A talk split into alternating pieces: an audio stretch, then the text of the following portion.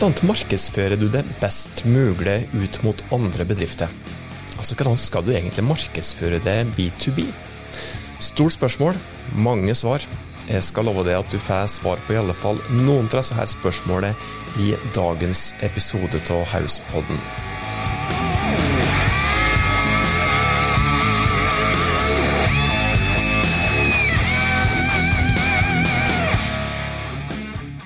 Hei sann. Hjertelig velkommen til Hauspodden.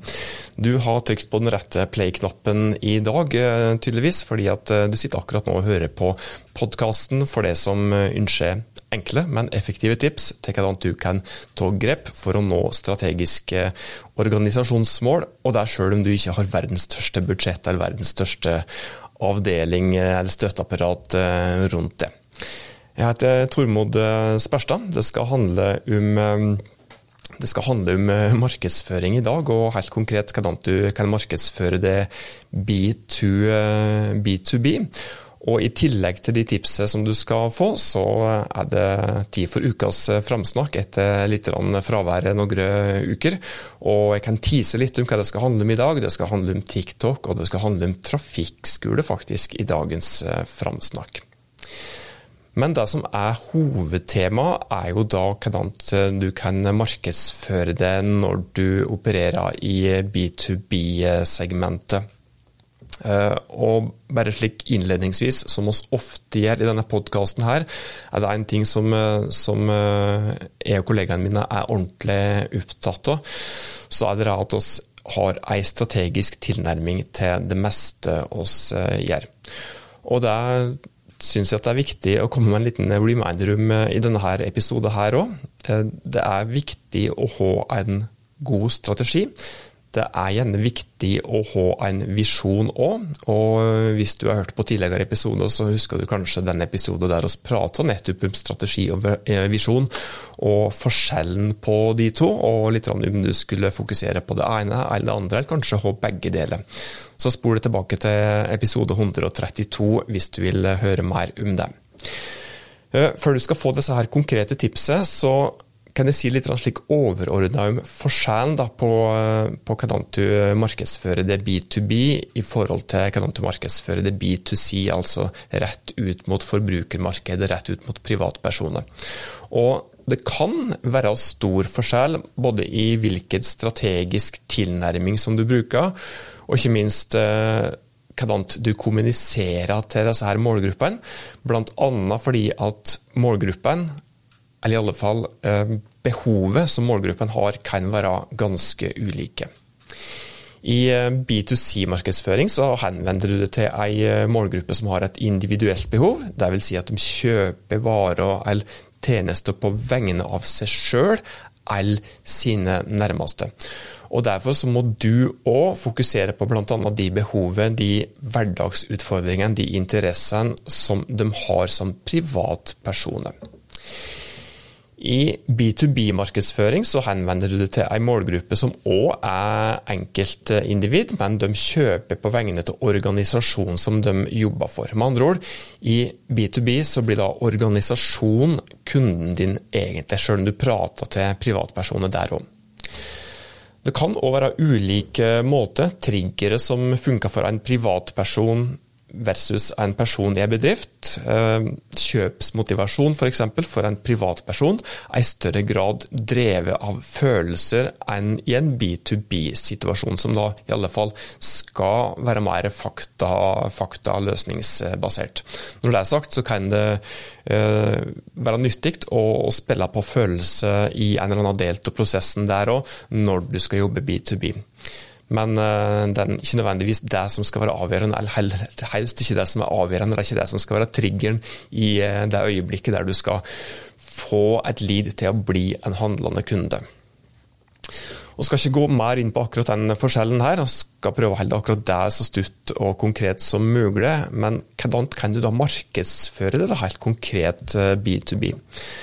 Det handler om at du må jobbe strategisk. Vi eh, kan ikke få sagt dette for ofte. Sørg for at du er godt kjent med den overordnede strategien og visjonen som du har i organisasjonen din, og ikke minst hvilke behov som målgruppen som du har, har i de ulike fasene.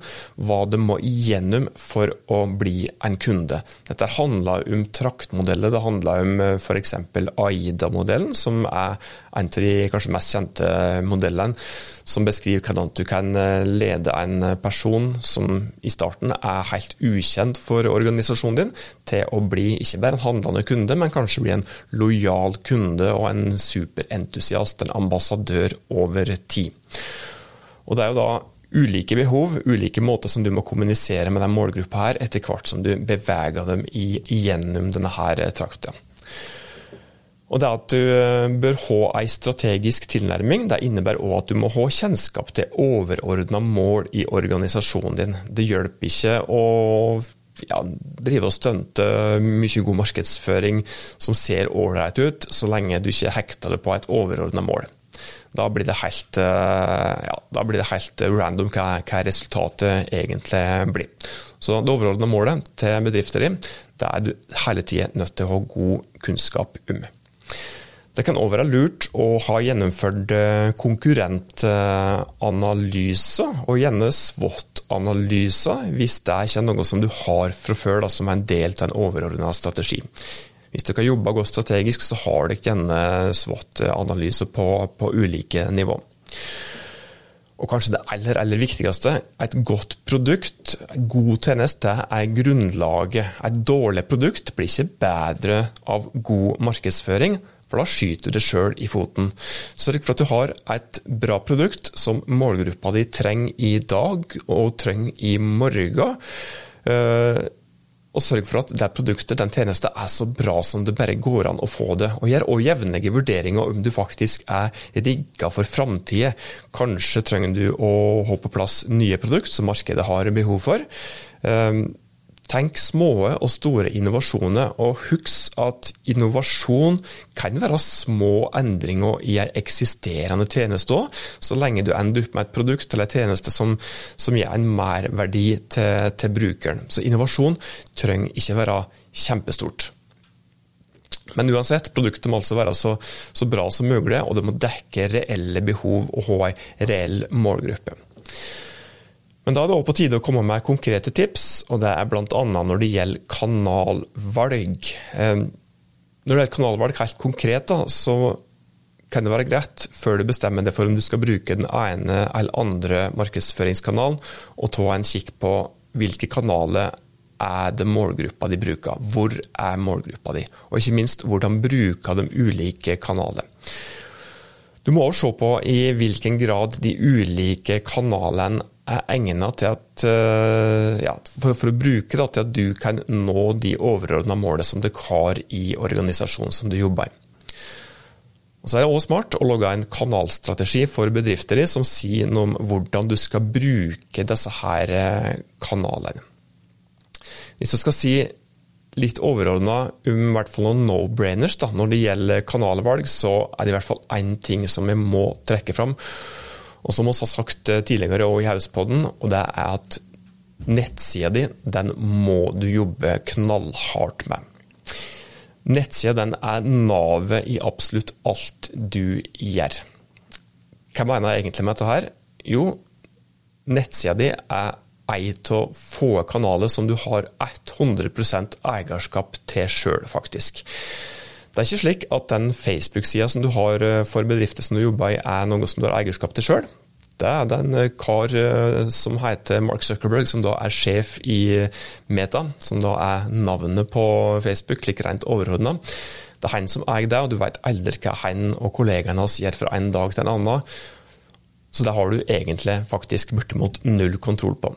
Så Derfor så må du fokusere på de kanalene som du har 100% eierskap til sjøl, og nettsida er den desidert viktigste der. For du vil gjerne tiltrekke det eh, størst mulig, eller mest mulig relevant trafikk til nettsida di. Det er nettsida di som ofte er flata der du har eh, ja, størst, størst mulighet til å både tiltrekke det folk som er totalt ukjente fra bedrifter de fra før, og lede dem gjennom denne her berømte traktet, og til slutt få dem til å bli en kunde, og ikke minst lojal kunde over tid. Og Det gjelder ikke minst når du jobber B2B. Nettsida di er den desidert viktigste kanalen som du må jobbe med. Og Du må jobbe aktivt med den. Eh, du må jobbe med såkalte brukerscenarioer, altså kartlegge hva er det målgruppene dine kommer for å gjøre. Hva er de viktigste tingene de ønsker å gjøre på nettsida di. Kartlegg målgruppebehov, og så må du sørge for å oppfylle de målgruppebehovet før du ser på dine egne mål og behov, altså organisasjonsmålet ditt, firmaet ditt sine mål med å ha et nettsted. For En forutsetning for at du som nettstedseier skal nå målet ditt med å ha et nettsted, det er faktisk at du oppfyller et brukermål aller først. Så fokuser. Jobb med brukerscenarioer. Det er viktig å analysere underveis. Det er først eh, når en nettside er lansert at eh, arbeidet faktisk begynner med en. Så analyser underveis, se hvordan eh, brukerne oppfører seg på nettstedet ditt. Bruk innsikter som du får til å forbedre. Utfør brukertesting. Utfør, ja, inviter noen av de viktigste målgruppene dine inn, kanskje til bedrifter, og, og gjør tester sammen med dem utrolig nyttige øvelser som kan hjelpe deg med å lage mye bedre nettsted for deg sjøl. Så kan du òg bruke fine funksjoner som f.eks. heatmaps, som òg kan hjelpe deg med å se hvordan målgruppene dine navigerer, hvordan de bruker nettstedet ditt. Jobb aktivt med søkemotoroptimalisering der. Gjør en innholdsrevisjon og en innholdsanalyse, ikke minst, med jevne mellomrom. Så nettsida er ekstremt uh, viktig. Andre kanaler som du bør jobbe med når du jobber B2B, er e-postmarkedsføring. E-postmarkedsføring med er jo en kanal som du har eh, bra eierskap til sjøl, så det er òg en no-brainer. Bygg lister, adresselister, og bruk de listene. Det er utrolig mye gull som ligger i de e-postadressene som du har eh, tilgjengelig i bedrifter din. Og det er slik da at eh, Enkelte syns nok at e-postmarkedsføring er noe ut oppdatert, men det er fremdeles slik at e-postmarkedsføring er den kanalen der du har størst ROI. Størst return on investment, som da betyr at det er den kanalen som du får igjen flest kroner for når du putter på, på noen kroner der du får mest igjen. Det er vel fremdeles slik at eh, ja, det finnes jo mange undersøkelser på dette her, men de mest nøkterne undersøkelsene som, eh, som oss har sett, er er jo, sier jo helt klart at, eh, at, du har en ROI som er, er på 40-gangeren på, på e-postmarkedsføring. Det vil si at når du putter på en krone på e-postmarkedsføring, så får du 40 kroner tilbake. Da sier det ja, det er jo et enkelt regnestykke der. da. Hvis du da putter på 1000 kroner på e-postmarkedsføring, så kan du få 40 000 kroner tilbake. Og slik fortsetter da oppover. Så e-postmarkedsføring bør du så absolutt eh, jobbe aktivt med òg. Andre digitale kanaler blir trolig en del av strategien din når du har jobba gjennom det som vi har prata om, altså at du jobber strategisk og ser på litt av kanalvalg og kanalstrategi og slik. Eh, sosiale medier er viktig. Det er viktig for eh, dem som jobber B2B òg. Og Undersøkelser sier at mer enn 75% av beslutningstagere i bedrifter bruker faktisk sosiale medier som en del av kjøpsprosessen. Og I tillegg så er det jo slik at selv de 25% som ikke bruker sosiale medier som en del av beslutningsprosessen, de er jo garantert på sosiale medier likevel, som privatpersoner. Og i og med at jobben er en viktig del av livet til dem, så kan du òg påvirke dem indirekte i B2B-sammenheng ved å kommunisere med dem når de er seg sjøl som, som, som privatpersoner. Men hvis en skal si noe om eh, sosiale medier og valg av kanaler, så er det viktig å si det som vi har sagt tidligere, at du ikke skal legge alle eggene dine i ei korg. Eh, F.eks. metakurven, da, eller Facebook slash Instagram. Eh, ikke bruk bare de to kanalene, for de jo, har jo samme eier. Og hvis den eieren da gjør store endringer, så kan det få ganske store konsekvenser hvis du har lagt ned mesteparten av ressursene dine på de kanalene. Men Facebook er jo da likevel en no-brainer for de fleste som jobber B2B. Av f.eks. den grunn at eh, målgruppen dine sannsynligvis forventer at du er på Facebook. Og så skjer det jo da ting rundt oss eh, som handler om bl.a. personvern, at eh, enkelte brukere bruker, eh, begynner å bli litt mer skeptiske til bruk av Facebook, og en del andre ting, som gjør at en kanskje skal følge ekstra godt med framover på hvordan dette her forandrer seg. Og etter hvert kanskje å fokusere på å flytte litt av innsatsen bort fra Facebook, eller ikke nødvendigvis bort, men i hvert fall fordele disse her egget i, i flere kurver, da, slik at du står på litt stødigere bein hvis eh, ting skulle skje. Som da betyr at oss i Haus mener at du i alle fall bør se litt på LinkedIn òg, som er for de fleste som jobber B2B, en kanal som så absolutt er verdt å eh, teste ut, og for de fleste sannsynligvis verdt å fokusere ganske mye på. Det er flere grunner til det. Eh, for det første så, så har LinkedIn en ganske fin vekstkurve bra bruksfrekvens eh, etter hvert. Og spesielt da, hvis en da jobber B2B, så er det slik at de som sitter i andre enden, som du skal markedsføre det mot, de er kanskje mest aktive på f.eks. LinkedIn i arbeidstida si. Som gjør at uh, de har jo et slikt mindset, som er jo da jobbfunksjon. De tenker, tenker jobb og stillingen sin, sannsynligvis, når de er på LinkedIn i kontortida, som gjør at de kanskje har lettere for å ta inn over seg det budskapet som du har å komme med, når de får det presentert eller konsumerer det i arbeidstida sin. Så Derfor så kan det være smart for deg å fokusere på LinkedIn. Det finnes andre grunner også, som ikke handler om hvordan man markedsfører seg B2B, men som handler bl.a. om at eh, det er en utrolig bra rekrutteringskanal over tid. da.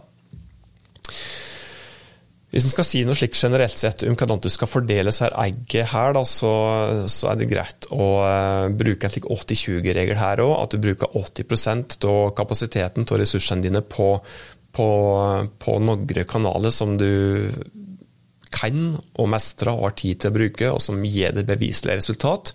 Og så bruker du 20 av tida di faktisk på å teste ut nye kanaler. F.eks. teste ut Twitch hvis du ikke har gjort det før. Kanskje teste ut TikTok, eller ikke minst kanskje teste ut Pinterest, som òg er en undervurdert eh, kanal for dem som jobber B2B. Søkemotoroptimalisering det er òg en eh, no-brainer å jobbe med. Altså jobb med å få best mulig synlighet i søkemotorer. Og du bør så absolutt, når du markedsfører det B2B, du bør ha en SEO-strategi på plass. Det er veldig, veldig viktig for deg hvis du skal få god synlighet over tid, slik at du kan tiltrekke deg nye personer som kan bli til leads, som igjen kan bli til kunder, som igjen kan bli til lojale kunder, og en hurraropende ambassadør for det over tid. PPC, eller betalt eh, annonsering, kan òg være verdt å fokusere på når du skal markedsføre det B2B, og er for de fleste et godt supplement når du skal, når du skal få god synlighet. F.eks. at du annonserer i Bing Ads eller Google Ads. Innholdsmarkedsføring er òg noe som du bør bruke ressurser på når du markedsfører det B2B. Når du jobber med innholdsmarkedsføring, så lager du nyttig innhold som er tilpassa hvor målgruppa di er i traktet.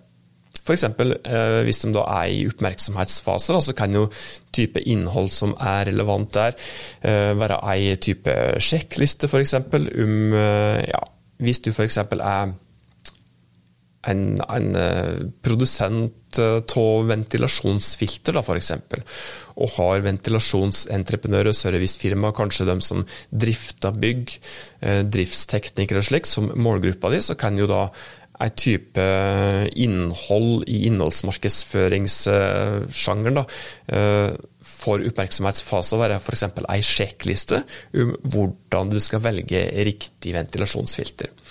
Og eksempel på innhold i, eh, i en konverteringsfase kan jo være et eh, kunde, kundecase. da. F.eks. slik sparte Horten Byggdrift 15 millioner i året på å velge riktige energieffektive filter. Litt like generelle tips da, helt på, på tampen. Ikke vær for salgsaggressiv, som vi også prata om mange ganger før. 80% av beslutningstagere i B2B eh, foretrekker å få informasjon som er nyttig gjennom artikler i stedet for annonser. Så konklusjon vær til nytte for å jobbe det gradvis inn mot en salgsposisjon der du da eh, får mulighet til å gjøre det fortent da, til å faktisk da komme med et salgsframstøt. Vi skulle hatt eh, mange flere tips enn som så, men eh, aller viktigste eh, konklusjonen i denne episoden her òg, ha en strategisk tilnærming til det som du jobber med, det som du gjør. Jobb med mål, målgrupper, velg kanaler med omhu, og jobb aktivt med de kanalene som du eier sjøl. Selg uten å selge, og gi ting. Vær verdifull for målgruppa di. Og husk at gode produkt, gode tjenester er roten til alt godt. Og det handler òg om å ha riktig produkt, at du da jobber med denne hverdagsinnovasjonen for hele tida forbedre det litt. Da er det på tide med ukas eh, framsnakk, og hvis du fulgte med litt eh, innledningsvis, så husker du kanskje at jeg sa at det skulle handle om en trafikkskole, og det skulle handle om TikTok. Dette kan jo kanskje hjelpe det som eh, da jobber B2B òg, sjøl om eh, den eh, aktøren som jeg skal framsnakke i dag, da jobber B2C. For det at sjøl trauste bedrifter, eller det som blir sett på som trauste, som f.eks. en trafikkskole, kan ha nytte av å bruke TikTok som markedsføringskanal. Og jeg kom over en trafikkskole på TikTok for ei tid siden som jeg syns naila ja, måten som de eh, logger innhold på, da, på, på TikTok eh, i forhold til den målgruppa som de har, den syns jeg var så utrolig bra. Passende seriøs, passende humortilnærming. De bruker underholdning som tilnærming for å nå den yngre målgruppa si. Eller primært yngre, vil jeg tro, da, i og med at det er dem som skal ta lappen som er målgruppa for dem. Så jeg trenger ikke si så mye mer enn det, enn at jeg anbefaler at du tar og sjekker ut Credo eh, trafikkskole på TikTok. Kanskje får du noe inspirasjon til både å begynne, TikTok, eh, begynne å bruke TikTok sjøl, og ikke minst hvordan du kan bruke TikTok og ta en underholdningsapproach sjøl om du er seriøs, for å nå målgruppa di. Det var det som vi hadde å by på i dagens episode av Hauspodden. Som vanlig så blir vi eh, ordentlig glade hvis du kommer med noen innspill til ting som du vil at vi skal prate om i denne podkasten her. Og ikke minst tipse andre, slik at vi får hjelpe enda flere med å nå målet som de har satt seg. Inntil oss høres neste gang, ta godt vare på det og dine.